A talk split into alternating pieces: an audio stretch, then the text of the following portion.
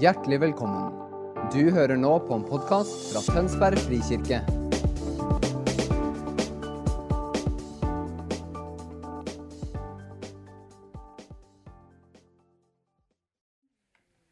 I dag skal vi få lov til å høre fra ei dame som eh, jeg setter så stor, utrolig stor pris på.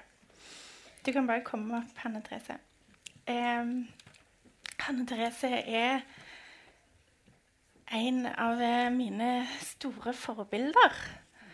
Fordi hun har en sånn unik evne, om du har kjent henne i akkurat hils på henne, eller om du har kjent henne i mange år, så har hun en sånn evne til å føle at vi er bestevenner. det har vi liksom alltid vært. sant? For meg og deg, selv om vi er begge fra Stavanger, så har vi jo ikke liksom vokst opp sammen. Liksom. Det var veldig synd, da. Ja, det var det. Men eh, og hun har, altså, jeg har gledet meg veldig til i dag, fordi Hanne Therese har også en, en sånn fantastisk måte til å gjøre Jesus så relevant her i dag. At det ikke blir en sånn greie der bare de store får det til, eller Men at hun tar liksom Jesus, og så bare Her er han. Og- du kommer også til å se Jesus gjennom smilet hennes, for det var helt fantastisk. Therese, vi setter så pris på deg. Vi er så takknemlige for at du kom her denne helga. Og vi er så takknemlige for at vi får lov til å kalle dere familie. Mm. Kan jeg be for deg før Ja, du går på? Mhm. Oh, Bare strekk hendene mot Hanne Therese, så ber vi for noe sammen. Jesus, jeg takker deg for Hanne Therese. Takker deg for eh, alt som du har lagt ned i henne.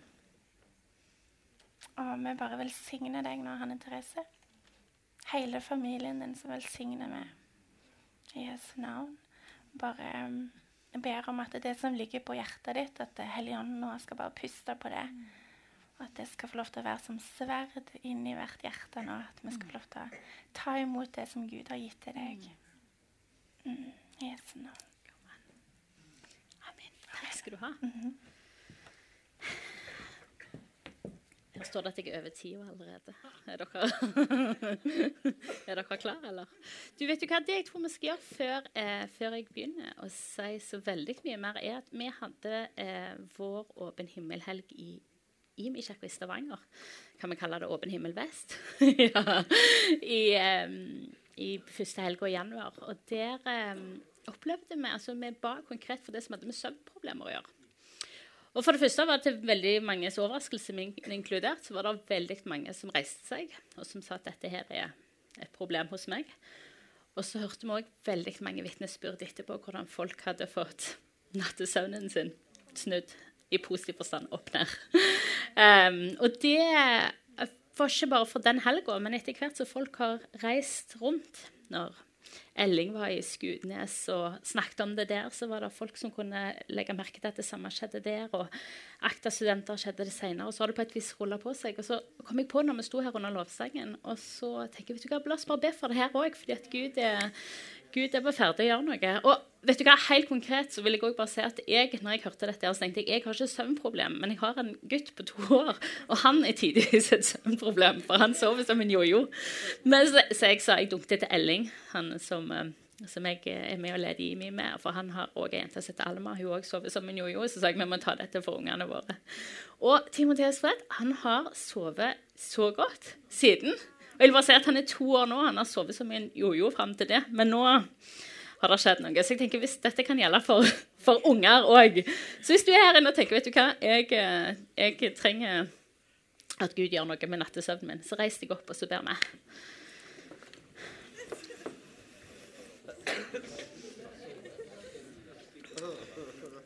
Så um, alle dere som um, sitter Bra for dere. godt, jeg er glad dere sover godt.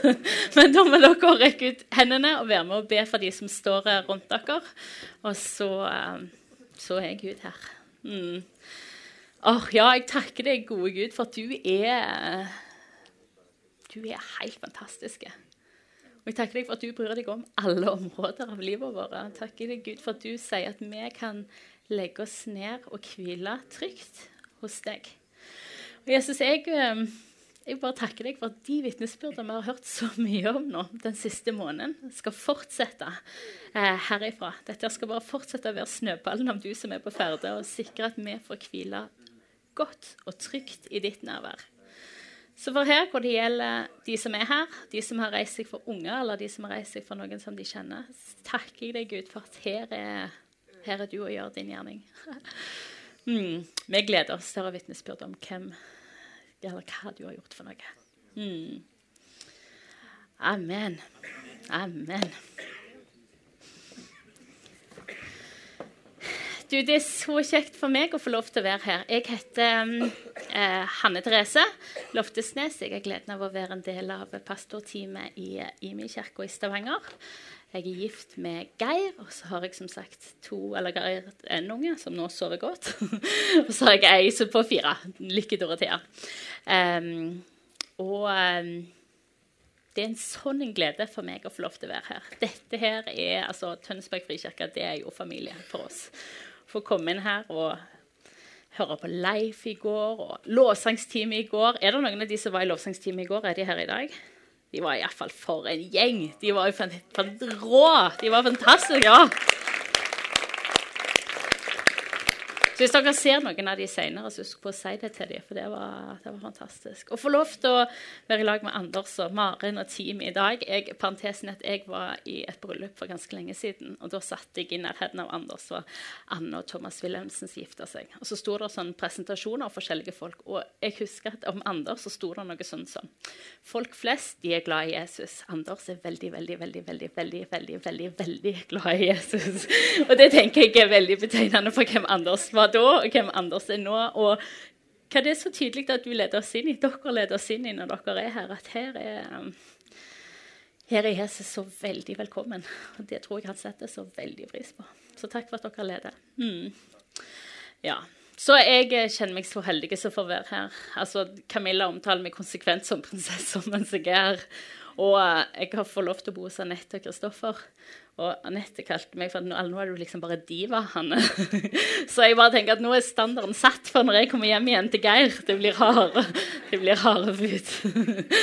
nå vet du, skjemmer de meg fullstendig ut. Nei, det er så treat for meg å være her. Og i dag så Jeg fikk et ganske sånn vidt tema. Og dere som kjenner meg, vet at jeg er kjempegod på vide tema. For det er så veldig mange ting å velge, da. Men, um, men jeg kjente forholdsvis fort denne runden hva jeg skulle få lov til å snakke om. Vi skal bruke tid på i dag å snakke om å vandre med Gud. Eller å venne seg til å leve nær Gud. Og jeg er som type så er jeg aldri ferdig med ei preik før jeg har holdt den.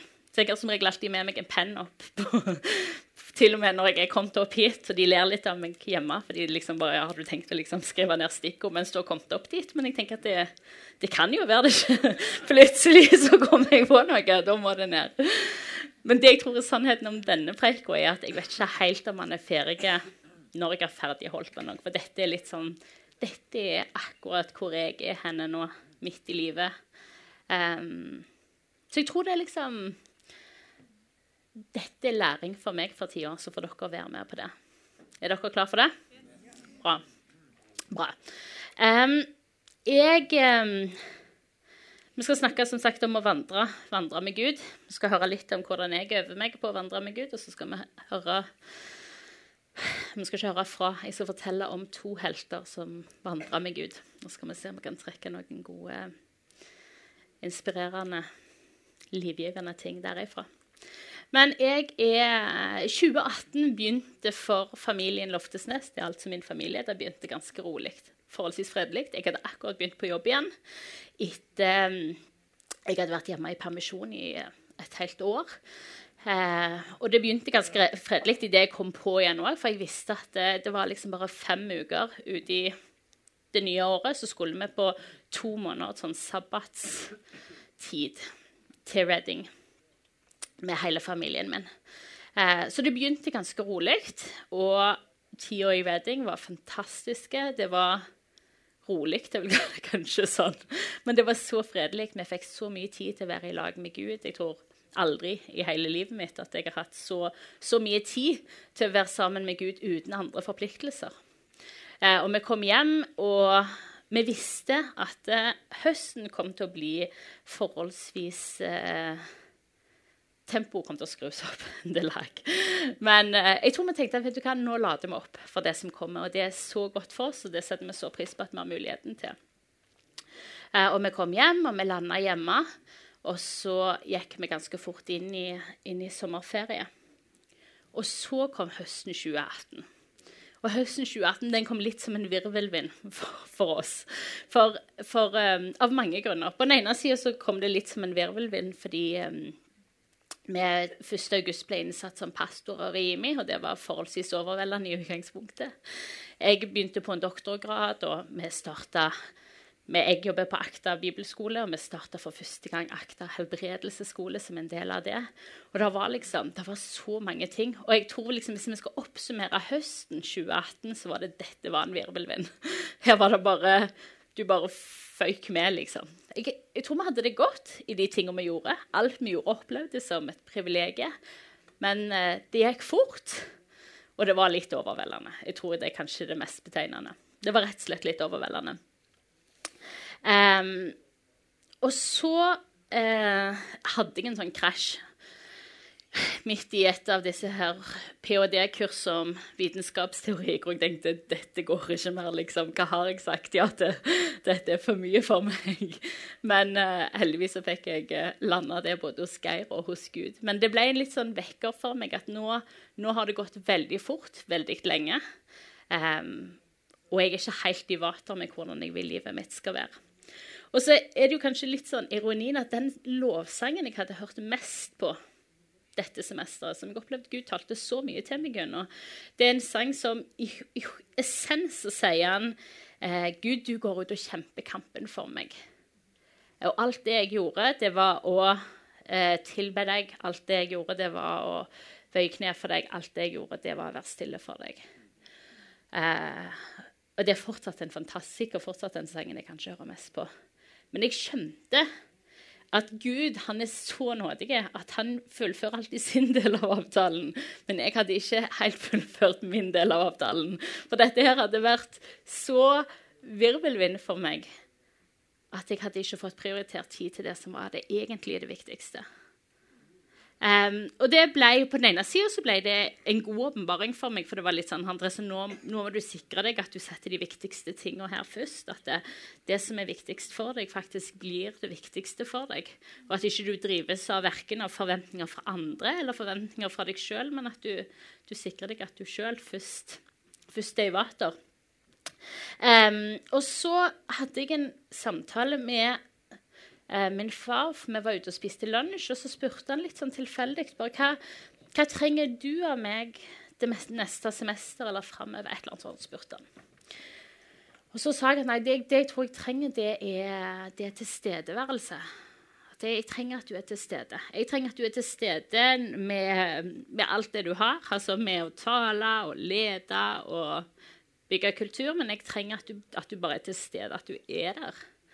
Um, og så aner jeg ikke hvorfor han spurte om det, men han sa liksom Jeg vet fortsatt ikke helt hvorfor han spurte det, for det var litt sånn bisart. Så sier han tilstedeværelse. Ja, hva er det på engelsk? Jeg bare, Hæ? Ja, det er liksom, Dette er viktig for meg, liksom. Hvorfor spør du om det? Jeg bare uh, Jeg vet ikke. To be present?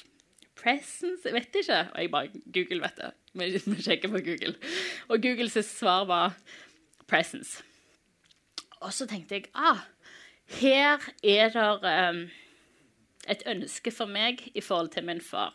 Men her er det òg et ønske fra Gud i forhold til meg, som handler om tilstedeværelse. Om at jeg skal få lov til å være til stede og gjøre alle de tingene som han har kalt meg til å være, men først og fremst at jeg er til stede.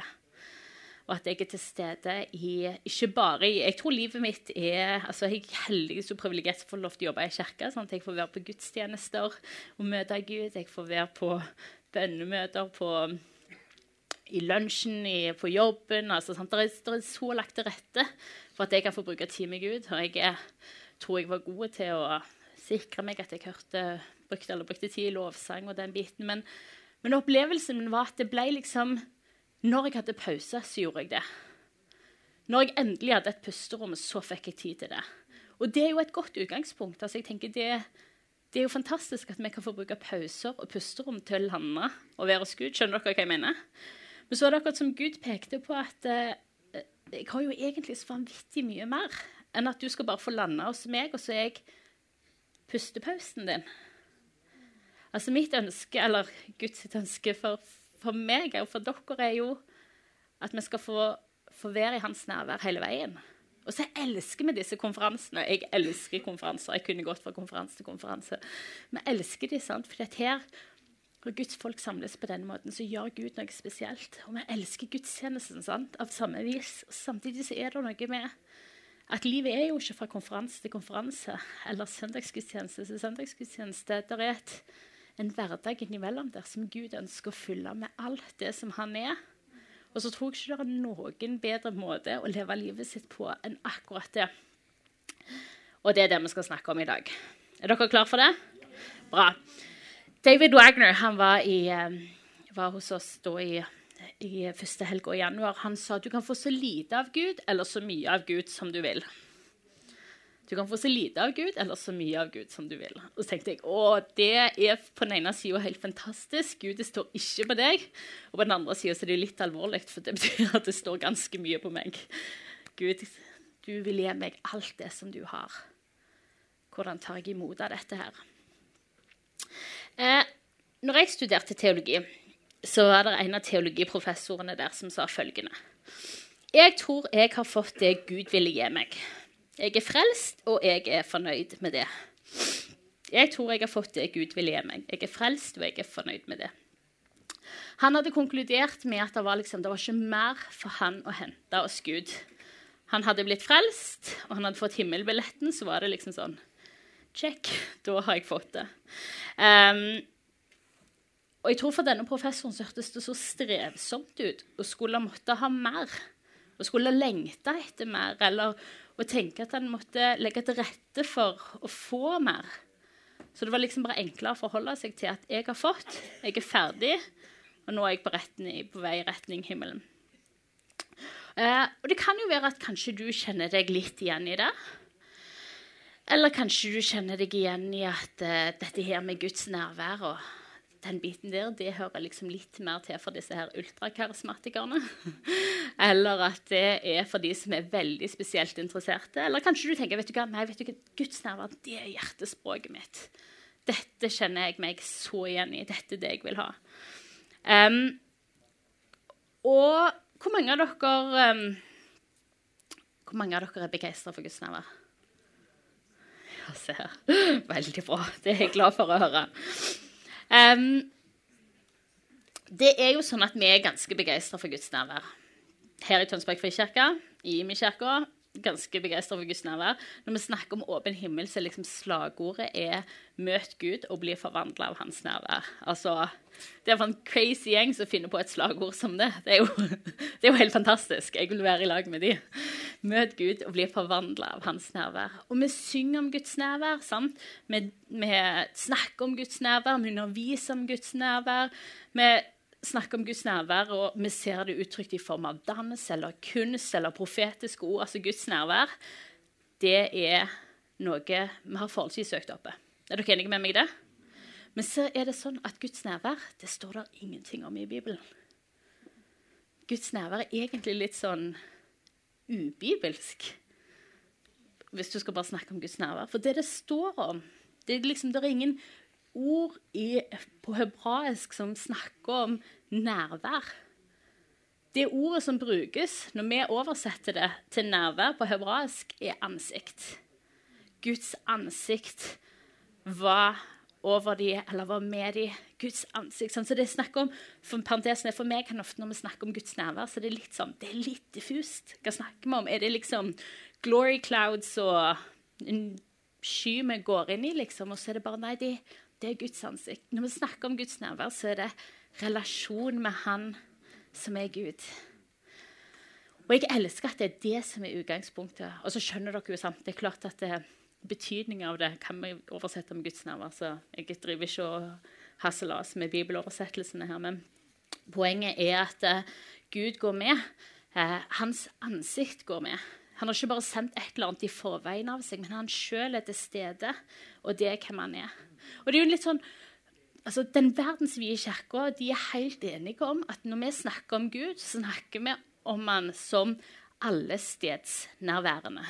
Og det er òg et litt sånn ord på hva i alle dager betyr det, da. Allestedsnærværende. Omnipresent, om du vil. Og så er det en fantastisk teolog som heter Tozer. Han har skrevet en bok som heter 'Pursuit of God'. Og Da sier han at når vi snakker om Gud som allestedsnærværende, så kan vi egentlig oppsummere det i én ting. Og det er Gud er her. Så enkelt som det. Gud er her. Og Når jeg leser det, så tenker jeg bare ok, allestedsnærværende det er litt sånn løftig begrep for meg. Litt uhåndterlig. Men Gud er her. Det kan jeg forholde meg til. Gud er her. Og hva i alle dager betyr det for meg? Eller som, som Paulus sa til de atetske mennene som ikke tror i Apostelens gjerninger 17, så sier han han er jo ikke langt borte fra en eneste av oss, for det er i ham vi lever, beveger oss og er til. Han er ikke langt borte fra en eneste en av oss. Dette sier han til folk som ikke tror. Og Det sier også noe om at Gud han er ikke fysisk nærmere noe annet menneske enn det han er deg. Han er ikke lenger vekk fra deg enn det han er fra andre mennesker. Mine følelser knytta til hvorvidt Gud er nær eller ikke, det hører meg ikke sånn superharde, men litt. Men det er jo egentlig totalt irrelevant. For Gud har sagt at han er her, og han har sagt at han er nær. Og så har det ikke noe å si for hvorvidt jeg er åpen for Gud eller ikke. For han er fortsatt her. Han er fortsatt alle steder. Han er fortsatt til stede alle tider, fordi det er hvem han er. Og det er kanskje sant for meg at Gud oppleves fjern. For det er sånn følelsene mine er. Men sannheten er at han er nær. Og den objektive sannheten om at Gud er nær, den trumfer min subjektive følelse av at han kanskje ikke er det. Og så er det jo viktig å stille spørsmålet hva for konsekvenser har det da for oss å si at Gud er nær? Gud er her, han er nær deg. I de settingene som du er i, i de settingene som du trenger hans perspektiv i, så er han nær. Stine snakket om å drømme tidligere. og jeg tenker Hvis vi tror at Gud er her, så gir det oss alle mulige grunner til å drømme. Gjør det ikke det? Jeg tror det. Gud er her. Når vi ber, så er det ikke sånn at vi bare trenger å be Gud om å komme. Han er allerede her. Og han har kommet i forveien av det vi har bedt for. Gud er her. Så vi kan konkludere med at Guds nærvær det er ikke noe abstrakt det er en relasjon. Kan dere være enige med meg i det? Kan du sier til sidemannen din Guds nærvær det handler om en relasjon.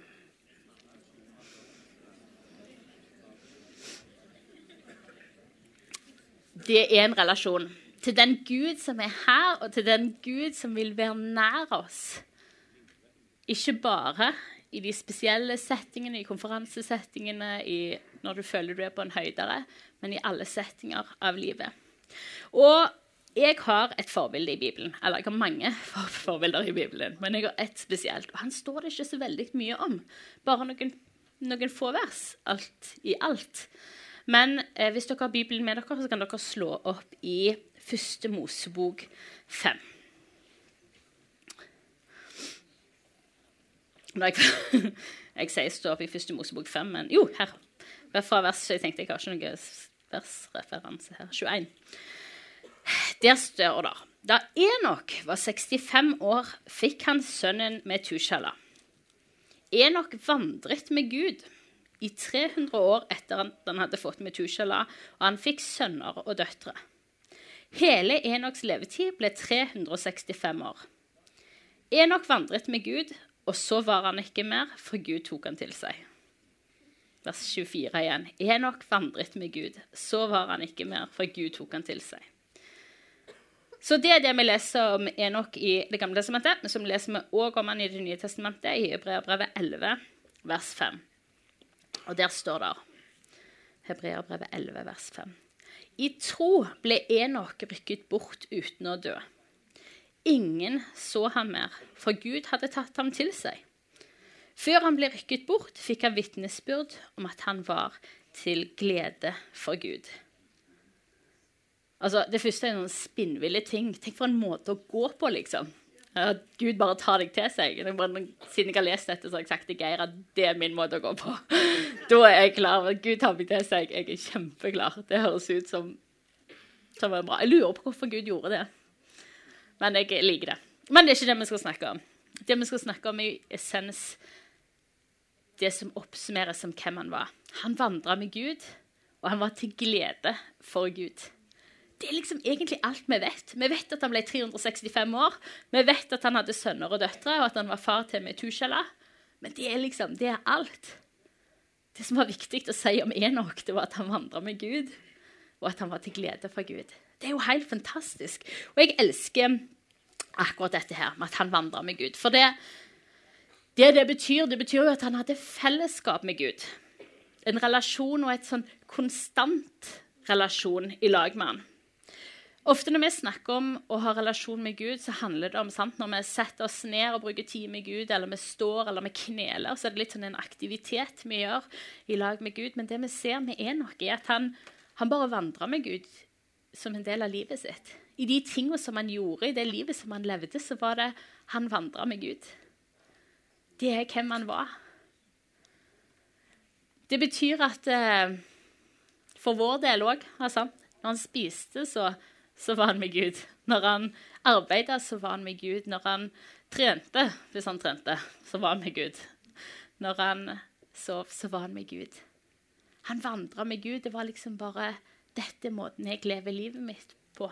I en konstant relasjon til Gud. Høres ikke det fantastisk ut? Jeg syns det høres fantastisk ut. Og jeg elsker det, for jeg tror ikke relasjonen med Gud var meint til å være noe statisk. Jeg tror ikke det var meint til å være nå leser jeg Bibelen min, så nå er jeg med Gud, og så går jeg på skolen, eller så går jeg på jobb, eller så henter jeg ungene mine i barnehagen. Jeg tror livet med Gud var meint til å være dynamisk. Gud er med hele veien. Hvis han er Gud som er her, så er han med òg de gangene hvor vi ikke setter oss ned konkret for å kikke en i øynene i timevis. Selv om det er fantastisk. Vi elsker når vi kan gjøre det. Men òg i hverdagslivet Se han til stede med sitt nærvær. Um, og jeg har et annet forbilde. Hvor mange av dere har hørt om Brother Lawrence? Ja, ja det er flere som har hørt om Brother Lawrence. Han har jeg skal bare, Denne boka her, denne boka er en skatt. Den heter 'The Practice of the Presence of God'. Hvis du ikke har lest den, så jeg kan ikke gi den til deg, fordi den er liksom noe av det aller mest dyrebare min mann har. Så kan du kanskje få den, men jeg vil anbefale deg å kjøpe den, for det er en fantastisk bok. Og Historien om Brother Lawrence er en fantastisk historie. Og den begynner med at han ikke heter broder Lawrence, men at han heter Nicholas Herman.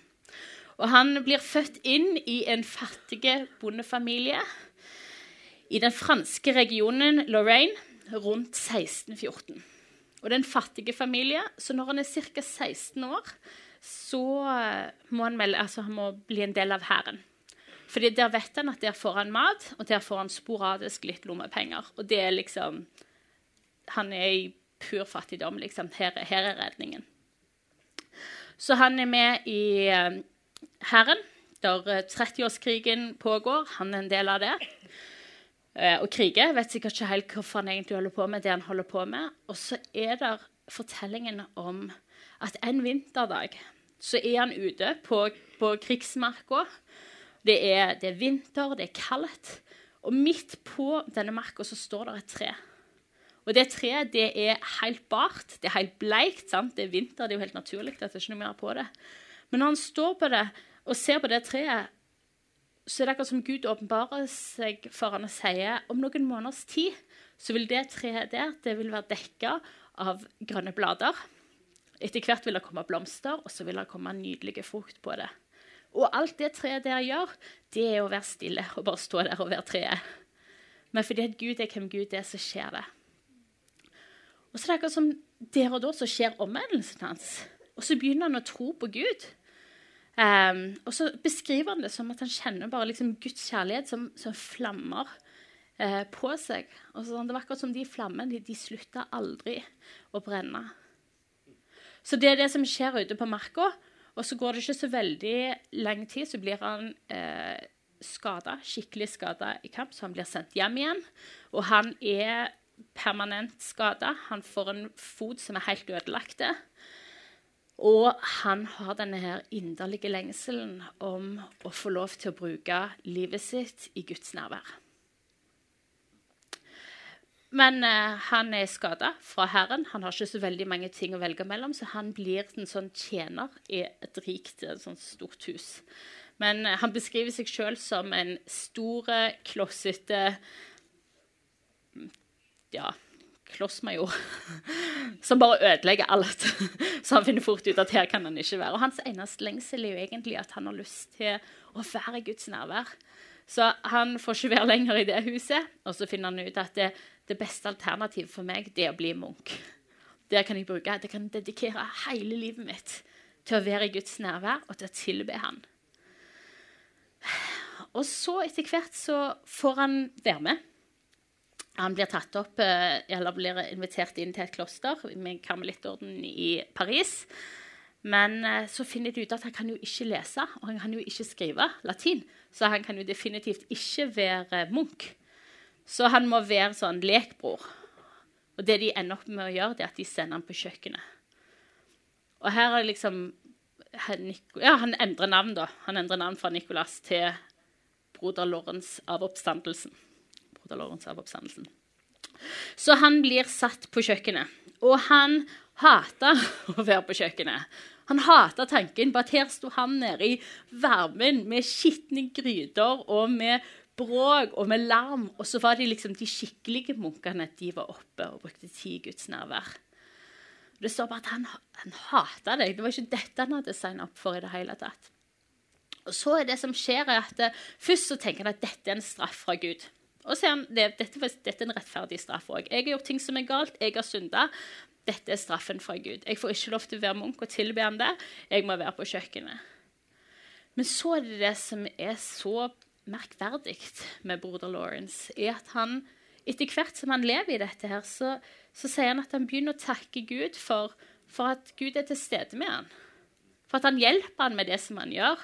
Og han begynner å forestille seg at Gud, Gud står ved sida av han. Mens han vasker på ristene og skrubber stekepannene, så ser han for seg at Gud er til stede. Og så går han gjennom en sånn disiplin av tanken sin som handler om at han stadig vender blikket mot Gud. Og så sier han at han begynner å skjønne at jeg kan tilbe Gud like mye med å stå her og røre i suppegryta som det som de munkene gjør når de er oppe i kapellet og synger salmer. Og så er det det som er vitnesbyrdet av livet hans, at han, han lever konstant i Guds nærvær. Han har blikket sitt konstant snakker om hvordan han fester sitt indre blikk på Gud. Og hvis, Han var jo ikke perfekt mann. Så når han enten hadde synda, eller når han opplevde at blikket hans ble dratt vekk på andre ting, eller andre tanker kom, så, så sa han at enten så kan du banke deg sjøl opp for det var ikke egentlig det han sa, men oppsummert var det det han sa. Enten kan du banke deg sjøl opp for at du har gjort noe galt, og så fører det til avstand. Eller så kan du, og det er det jeg vil poengtere sier broder Lawrence, så kan du skynde deg og sikre deg at du får blikket ditt tilbake igjen. Sikre deg at det er vet du hva? Gud elsker deg så mye at han har ikke behov for denne her avstanden. Han vil ha deg tilbake igjen så fort som mulig. Så når du merker at blikket ditt er vekke, så få det tilbake igjen, og se han til stede. Og så er det bare noen nydelige fortellinger om hvordan han kunne stå der i oppvasken og oppleve at Gud bare var så sterkt til stede at han måtte liksom bare rope og synge og danse som en gal mann. Det er det det står i boka. Jeg elsker tanken på det. Og at de andre kjøkkenfolka kanskje tenkte at han her var litt snåle. Men det var liksom bare det å få være i Guds nærvær, det er bare dette forandrer alt for meg. Og så begynner ryktene å gå om hvem han er. og det altså, Prester kommer, ledere kommer, all slags forskjellige abbeder kommer for hva er det du lever for noe i? Du som er kjøkkenhjelp på dette klosteret, liksom, hva er det du har fått med deg av Guds nærvær? Og Så begynner han å fortelle, eh, og det er det som på et vis gjør essensen i denne boka her. Når han begynner å fortelle at nei, det jeg gjør, det er at jeg bare lever nær Gud hele veien. Og når jeg leser om broder Lawrence det er bare, sant, Nå får dere kortfortellingen fra meg, men kjøp den og les den. 'The Practice of the Presence of God'. Og venne seg til å leve nær Gud, heter den på norsk. Så er det bare Gud som sier at det, altså Broder Lawrence, altså I menneskelige øyne, hvem var han? Han var en fattig mann uten noen form for utdannelse. Som ikke kunne være til hjelp for noen ting annet enn å være på kjøkkenet på, på klosteret. Menneskelige øyne ingenting, men han hadde skjønt at Gud vil være nær alle. Og du har muligheten til å si 'det vil jeg ha tak i'. Og Det er det jeg elsker med denne historien. At historien om Guds nærvær i broder Lawrence sitt liv det, det er så ordinært. Og så er det så vanvittig tilgjengelig. Det er ordinært fordi han var ytterst ordinær. Men han registrerte at her er det en mulighet som jeg kan få lov til å benytte meg av. Som vi kan få lov til å benytte oss av. Uten at vi trenger å prestere noen ting for dem. Bare si Gud, dette her er jo fantastisk. Tenk at dette er hva du vil for mitt liv. Ikke det er helt nydelig? Jeg blir så inspirert av å lese historien Brother Lawrence. Jeg er helt ærlig, jeg aner ikke hvor mange Som sagt, det er jo yndlingsboka til Geir, og jeg aner ikke hvor mange han har gitt den boka videre til. Til mange. Men poenget er um, Vi kan få leve i Guds nærvær hele veien. Det er ikke noe som kommer og går, men det er noe vi kan leve i hele veien. Uavhengig av hvor travel hverdagen din er, så kan du leve i Guds nærvær. Det er ikke sånn at Hvis travelheten din går opp, så går Guds nærvær ned. Men du kan få lov til å leve i at i alle de tingene som du gjør, så kan du få vende blikket ditt mot Gud. Og jeg elsker at det er hvem han er. Det er så tilgjengelig som det. Det er liksom igjen det som David Wagner sa. Du kan, du kan ha så lite av Gud eller så mye av Gud som du vil, men til deg det kommer an på. Og jeg tenker at Det kan jo ikke være noe bedre måte for oss å leve livet vårt på enn å få leve det i konstant nærvær med Gud. For tenk hva det har å si for våre liv. På den ene sida at vi får lov til å kjenne dybden av Han som er allherrs Gud. For det er jo det han inviterer oss til. sant? En intimitet, en relasjon, et fellesskap hvor vi får kjenne hverandre på dypet. Og på den andre sida, tenk, tenk, hvordan perspektivet vårt endres hvis vi stadig er i relasjon med Gud på det. Jeg elsker det. En av disse lovsangene sier um, My fear doesn't stand a chance when I stand in your love. Frykten min den har ikke en sjanse når jeg står i din kjærlighet. Jeg tenker på at Det er mange ting i våre liv som ikke har en sjanse i positiv forstand når vi står i Guds nærvær, når vi står i Hans kjærlighet, når vi står i den relasjonen. Fordi perspektivene våre endrer seg. Holdningene våre endrer seg. Mulighetene våre endrer seg. Fordi vi har et helt annet utgangspunkt. Gir det mening? Um, å leve i konstant fellesskap med Gud Helt ærlig, dette er det jeg øver meg på for tida. Jeg tror det er en disiplin. Um, jeg tror det, Vi kan høre det, skal vi tenke Å, hjelpe meg, hvordan i alle dager gjør vi dette? Og så tror jeg det er helt sant, og som akkurat denne boka heter, 'The Practice of the Presence of God'. Det er en øvelse. Og for et privilegium det å få lov til å øve seg på å leve nær Gud. Og når vi vet at Gud aldri slår hånda av oss hvis vi er feil i det, at Gud aldri sier at 'dette er ikke godt nok', eller 'du ikke har gitt meg nok tid', men at Guds innstilling er alltid 'Å, jeg er så glad for at du er her', at du vil bruke tid i lag med meg'. Ja. Ja. Men når vi skal øve oss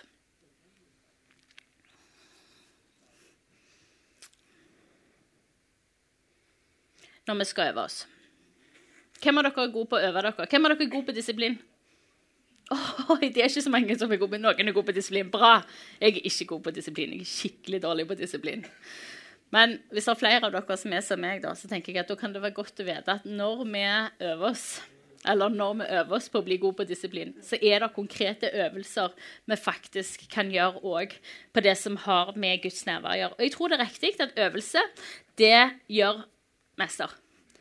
Men jeg tror det må begynne med at vi bestemmer oss for at dette måten jeg har lyst til å leve livet mitt på. For et livsmål. Ikke å tjene Gud, men å kjenne Gud. For et livsmål. Ja. Jeg har begynt å øve meg, og jeg håper jeg blir steingod på det snart. Men det kan være det tar lang tid. Men det er noen konkrete øvelser, noen som jeg allerede gjør sjøl, og noen som jeg har hørt at andre gjør. Det ene er eh, en mann som heter Brennan Manning har skrevet en fantastisk bok som heter 'The Furious Longing of God'. Og Han beskriver hvordan han har lagd seg en bønn som går på innpust og utpust. Og Den er jo engelsk, men jeg tenker at vi kan like gjerne oversette den til norsk. Men det er liksom på innpust ABBA, og på utpust 'Jeg tilhører deg'. Og så sier han og for meg å sikre meg at jeg gjør denne delen som en, på en måte jeg puster på. At det er det, det, jeg Om jeg ikke har andre bønner, så kan jeg si det. Om det er at jeg er ute og går tur, eller om det er at jeg sitter og gjør de tingene jeg gjør på jobb, så er det en så enkel bønn at dette kan jeg be i alle de tingene som jeg er. Abba, far, pappa, jeg tilhører deg. Så blir det på et vis livspuste. ikke det nydelig? Abba, jeg tilhører deg. Jeg hørte Bill Johnson han sa at han, han ble å sovne med Gud. At før han legger seg, er han, eller når han har lagt seg, så er det liksom det, det han bruker tid på. Og tilbe Gud. Forteller Gud alle tingene som han liker med han, og så sovner han i det. Og Hvis han våkner midt på natta, så fortsetter han med det til han sovner igjen. Da tenker jeg ja, det liker jeg. Det syns jeg er veldig fint. Eller på den andre sida, jeg er jo gift med Geir, og ganske ofte sikkert 50% av de gangene vi har lagt oss og skal sove, så sier jeg 'Geir, kanskje du sier noe fint til meg?' Ganske ofte. Geir i begynnelsen så var han litt sånn 'Å, Andres, jeg er så trøtt'. Men nå jeg vet ikke hva som har skjedd. Jeg tror han har hatt noe på bakgrunn senest. sier nesten, nesten alltid 'Ja, det er lett'. Jeg var du. Du har tatt deg i Du har skjønt at her, eh, her skal jeg og sende. Men jeg, eh, jeg gjør jo ikke det liksom først og fremst fordi at jeg eh, er underernært på kjærlighet, men jeg elsker å høre at han sier hvorfor han elsker meg. Og helt ærlig, Det tror jeg vi kan gjøre med Gud òg. Jeg tror Gud elsker å fortelle. Jeg tror han elsker å høre at vi han, og så tror jeg han elsker å fortelle hvorfor han elsker oss. Så du kan få lov til å si det til Gud òg. Gud, kan ikke du si noe fint til meg? Og han har så mange ting å si om deg. Så vær frimodig på det. Vær frimodig på det. Ta fem minutters ferie. Sikre deg at du i løpet av dagen gjør rom til de pausene hvor du sier bare Gud, jeg er her. Før du skal ha de vanskelige samtalene, eller, du, eller hvis du er et eller annet sted hvor du ikke vet helt hva du skal gjøre for noe, sikre deg at du Gud, jeg er her. Du er her. Dette gjør vi i lag. Eller finn punkt i løpet av dagen din. Kodeord som kan være mellom meg og deg. Eller det er ikke meg og deg. deg og Gud. som, som, sier deg noe om hva Gud vil. Eh, for eksempel kan det være liksom ah, nei, Hvis jeg ser eh, fargen gul, så eh, skal jeg lovprise Gud. Eller Geir har gjort en sånn um, ting med vår eldste datter, Lykke Dorothea. Andre har fortalt henne at uh, når hun ser rosa skyer på himmelen, så er det fordi Gud har lyst til å si at han elsker henne. Og det er jo veldig fint, sånn, for det er jo litt sånn morgenrød gir henne himmelrød gir morgenbløt. Eller ikke et eller annet sånn rød himmel, blir det regner der. Og vi bor jo i Stavanger, så det er forholdsvis ofte rosa skyer. Så det som er fint, er at vi snakker forholdsvis ofte om dette her. Men det gjør jo at jeg òg konsekvent, når jeg ser rosa skyer, så tenker jeg på dette her. Og så er jeg utrolig opptatt av at hun skal få legge merke til at det er rosa skyer. Men å finne liksom punkt sånn som dette her, som gjør at du Tanken din stadig vender tilbake igjen til han som har så vanvittig mye godt for deg. Um, finne ut av hvordan disiplinerer du blikket ditt. Og så tenker jeg jo at Det ultimate eksempelet for meg er jo når Leif skal Kanskje du reiser deg, Leif? Vise når du, når du har ei due på skulderen. Ingen viser det som Leif. Ja. ja. Jeg husker første gang Leif sa det, at hvis du har ei due på skulderen, sant, Den hellige ånd, så går det jo ikke som med bajas rundt forbi. sant? Du går jo, du tar jo hvert eneste skritt med denne her dua i, i tankene dine. Du går forsiktig, fordi at den skal jo ikke fly av gårde. Så du beveger deg og tar hvert eneste skritt med den dua i tankene. Og Det synes jeg er bare sånn et nydelig bilde på hvordan, hvordan, vi kan få leve i Guds nærvær. Han er allerede her. Han har allerede tatt bolig i oss, og det står ikke på han. Men hvordan ser dette her ut for oss?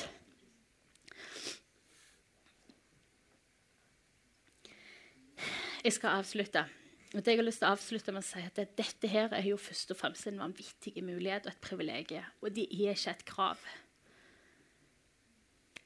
Det er ikke et krav, det, men det er et vanvittig privilegium og en mulighet til at vi kan få lov til å kjenne vår pappa Gud på det næreste og på det dypeste. Ikke bare på noen punkt av livet, men gjennom hele. Gjennom alt det som skjer. Um, å få vandre med han hele livet. Og jeg tror det er en større glede enn det vi kan forestille oss. Jeg tror det er en større glede. Jeg tror det snur opp og ned på måten vi fungerer på. Jeg tror det gir oss en frihet vi ikke trodde var mulig. Jeg tror det gir et, perspektiv som gir et vanvittig grunnlag for livet. Men det jeg har lyst til å avslutte med, det er at Gud er her. Uavhengig av hva du tenker om han, så er han her. Uavhengig av hvor nært du føler at han er, så er han her. Og så lengter han etter å være nær deg. Hver eneste dag, i alle aspekter av dagen din, så vil han være til stede. Og han vil fortsette å være der alltid, for det er hvem han er. Han er den Gud som er her. Men du kan få lov til å velge hvor mye eller hvor lite av vann du vil ha. Og hvis det er sånn at du vil ha mer, så bestem deg for det.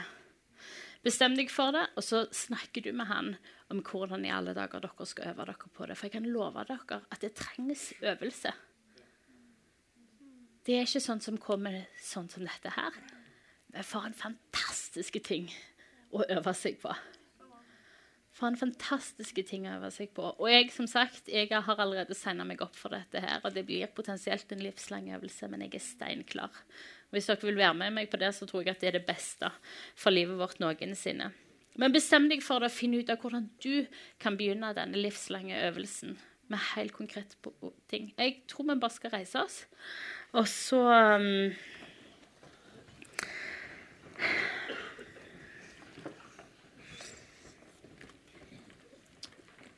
Og så skal vi um, bruke litt tid i lovsang. Og det jeg vil at du skal gjøre, det er at jeg vil du skal be Gud om å vise deg om det er noen konkrete grep du kan gjøre for denne livslange øvelsen. Er det noen konkrete ting du kan bestemme deg for for hvordan du kan leve nær Gud? For det er ikke abstrakt. Det er så relasjonelt.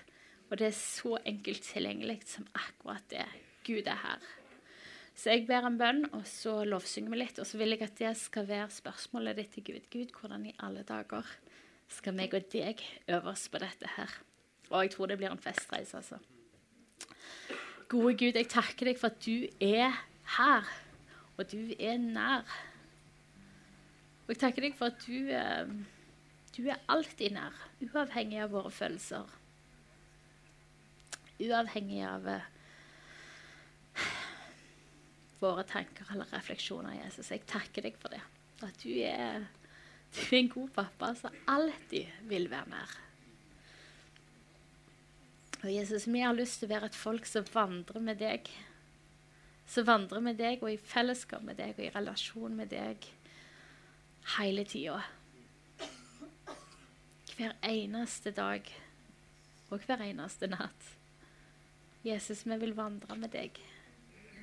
Kjenne dybden av deg. Kjenne dybden av din kjærlighet, kjenne dybden av din fred og kjenne dybden av din frihet, Jesus. Takk, Helligånd, for du, du er her òg.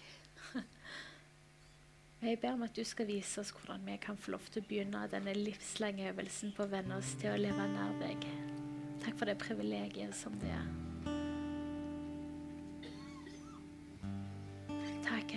Jeg ber om du skal gi hver enkelt av oss innspill på hvordan vi kan gjøre denne reisen. Takk, Jesus, for at du gir oss mye nåde og mye velsignelse foran. Jeg takker deg for at dette skal bli en festreise. Hmm.